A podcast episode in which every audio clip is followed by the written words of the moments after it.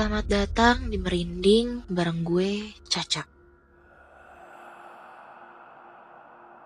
Merinding hadir untuk mengulas cerita tak kasat mata.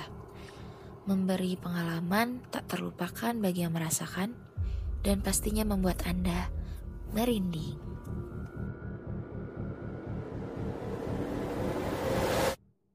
Cerita merinding malam ini diambil dari pengalaman salah satu rindingers. Sebut saja dia Nia. Dan izinkan gue untuk menjadi Nia pada malam ini untuk menceritakan kisahnya kepada kalian, rindingers. Suatu malam gue sedang tidur dengan pulas. Sangat pulas lebih tepatnya. Namun pada pukul 2 lewat 30, gue dibangunkan oleh ibu gue karena memang gue udah niat untuk puasa sunnah. Nia bangun, ayo sahur, ucap ibu dengan sedikit berteriak. Karena posisi ibu gue di dapur saat itu. Lalu gue hanya menjawab, hmm, sambil melihat jam dan memastikan di sebelah gue masih ada kakak gue.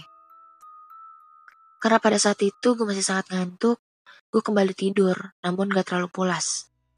Baru aja sekitar 8 menit gue memejamkan mata, gue tiba-tiba mendengar suara.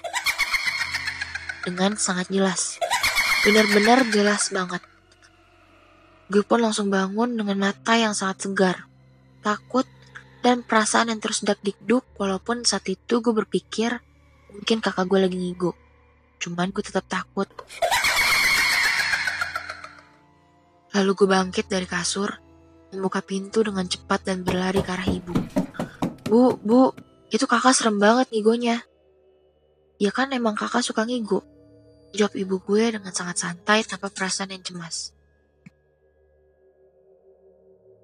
Sekitar pukul 16 di hari yang sama, ibu memberitahu gue tentang apa yang gue dengar pagi hari tadi.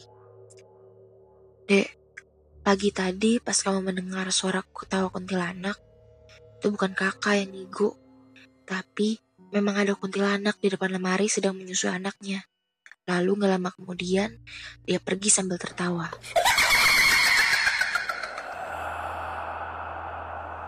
Terima kasih untuk Rindingers yang sudah mendengarkan Merinding malam ini. Jangan lupa untuk terus mendengarkan Merinding setiap malam Jumat di Spotify dan platform lainnya. Dan jangan lupa untuk share ke teman-teman yang lain supaya bisa merinding bareng.